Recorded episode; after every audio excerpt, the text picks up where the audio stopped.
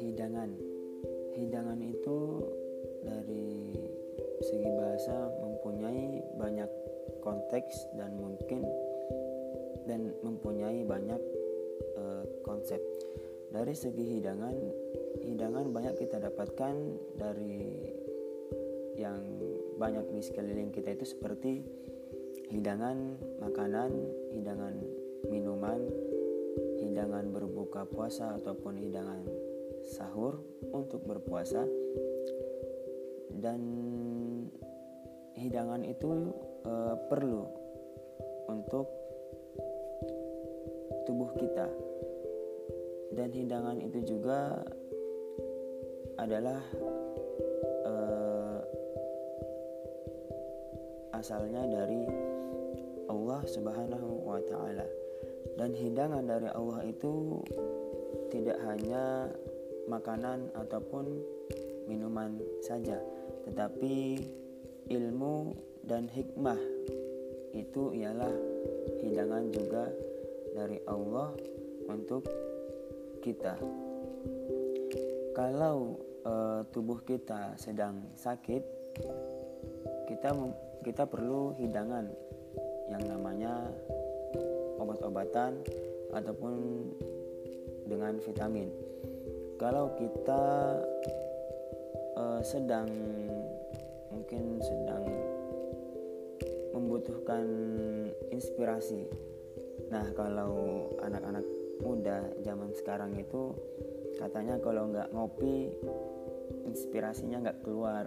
Nah kita memerlukan hidangan kopi untuk uh, mendapatkan inspirasi atau ide-ide yang cemerlang. Gitu ya anak-anak muda zaman sekarang. Termasuk saya sih. Nah uh, kalau kita mungkin lagi bermanja nih kita manja dengan tubuh kita kita minumnya mungkin susu yang gampang dicerna yang ringan untuk masuk ke dalam tubuh atau mungkin yang lebih manja lagi kita dengan meminum uh, jus buah-buahan yang di jus mungkin itu lebih manja lagi dan lebih menyehatkan. Nah, sama ketika uh, kita sedang mengalami apa ya? iman, iman itu kadang naik dan kadang turun. Ketika uh, iman kita sedang turun, kita perlu hidangan. Hidangan apa? Yaitu tadi, hidangan ilmu dan hikmah. Jadi e, makanan yang kita butuhin itu bukan hanya makanan fisik, namun kita juga e, membutuhkan nutrisi, bukan hanya nutrisi untuk tubuh, namun juga perlu nutrisi untuk hati dan iman kita. Karena terkadang kalau iman kita lagi down, lagi turun, hati pun terasa lelah, terasa uh, capek, terasa malas, mager untuk melakukan kegiatan atau melakukan hal-hal sesuatu. Nah, eh, nggak harus setiap hari kalau kita namanya apa ya ngecas iman, ngecharger iman. Kalau kita ingin meningkatkan keimanan kita atau ketakwaan kita itu dengan cara mendengar kajian-kajian atau mendengar ceramah atau mendengar tausiah di majelis di dalam majelis-majelis ilmu cuman kita juga bisa mendapatkan nggak hanya dari situ nggak hanya eh, nggak uh, harus dari setiap hari kita mendengarkan tausiah atau ceramah di majelis ilmu. Namun nutrisi hati ini juga kita bisa dapatkan dari uh, membaca Al-Quran atau juga dengan zikrullah berzikir kepada Allah. Selain itu juga bisa dengan sholat sunnah ataupun dengan sholat-sholat wajib dan mungkin dengan sedekah juga bisa. Karena dari setiap uh, golongan atau setiap manusia itu kan berbeda-beda. Ada orang yang ketika dia merasa penat dengan pekerjaannya merasa hatinya merasa gundah gelisah gitu kan? Ketika dia mengeluarkan uangnya untuk bersedekah ketika dia telah bersedekah dia merasakan hatinya yang tadinya berat yang tadinya gelisah. Itu yang tadinya tidak tenang. Setelah dia mengeluarkan uangnya untuk bersedekah hatinya menjadi ringan menjadi plong. Pikirannya yang tadi berat menjadi ringan menjadi agak tenang. Nah selain itu uh, kenapa kita memerlukan hidangan dari Allah itu seperti ilmu dan hikmah. Kita bahas uh, hikmah.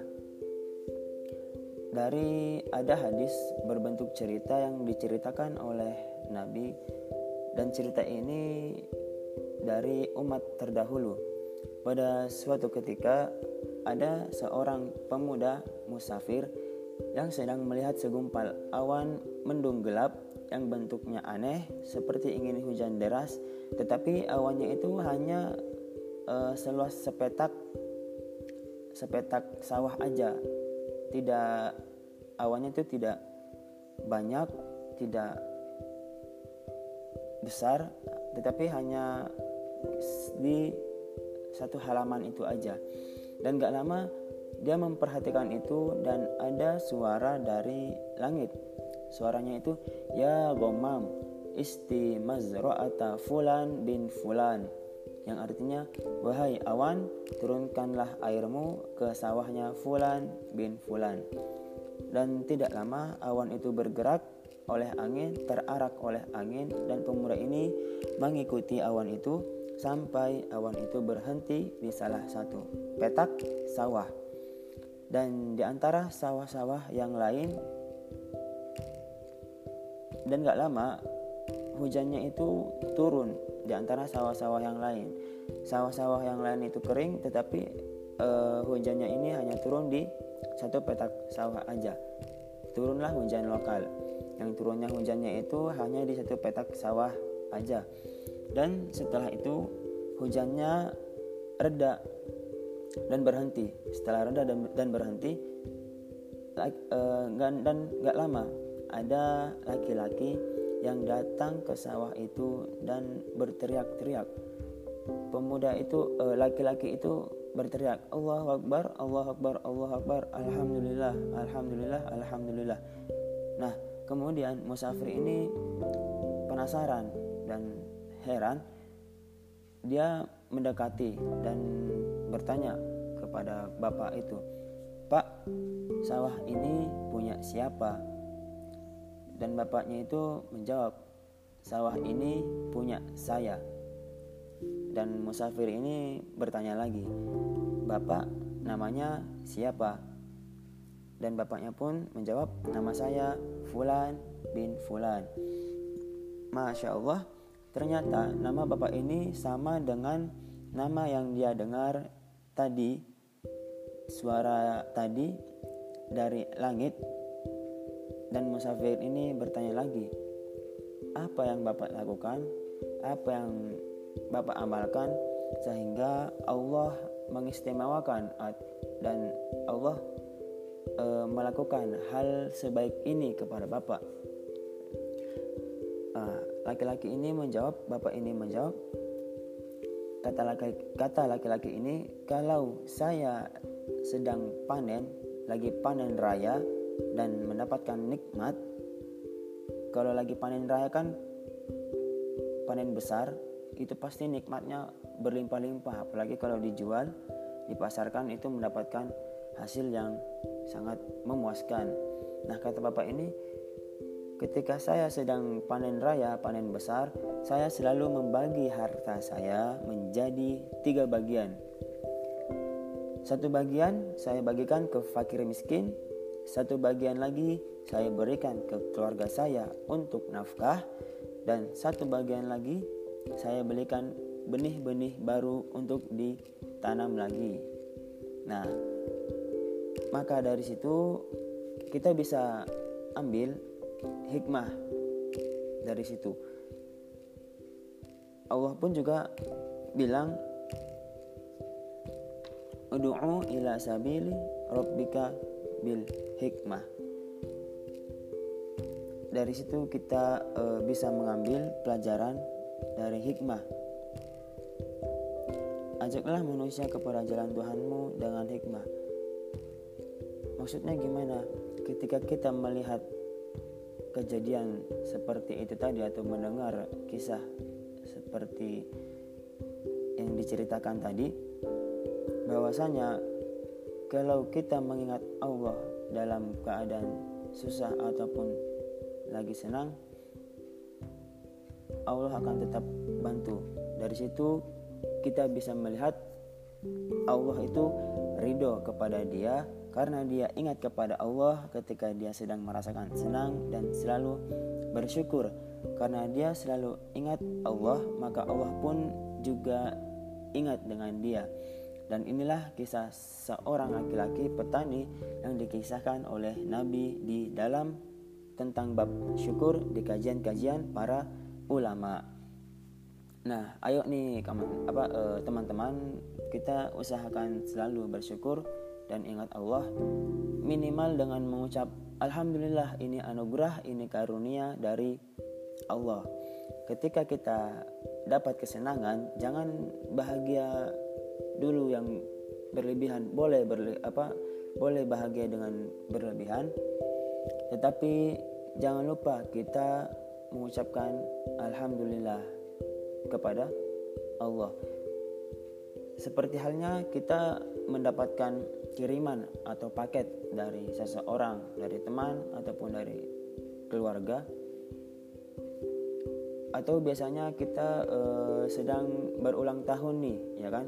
kita ulang tahun kita, kita dapat kado kita dapat kiriman dari orang dari teman terus kita menerima kado itu kita pasti uh, senang kan kita senang dengan dapat kiriman dan uh, kebiasaan orang-orang zaman sekarang itu ketika dia senang mendapatkan kiriman dia foto dan dijadiin Insta Story di IG maupun di status WA dan pasti nggak lupa apa nggak lupa tuh pasti di tag atau di mention siapa nih orangnya yang telah memberikan kado dan pasti juga tulisannya terima kasih ya kadonya gitu kan nah gitu juga kita kepada Allah jangan lupa kita mention Allah kita tag Allah dan kita bilang Alhamdulillah ini anugerah, ini karunia dari Allah.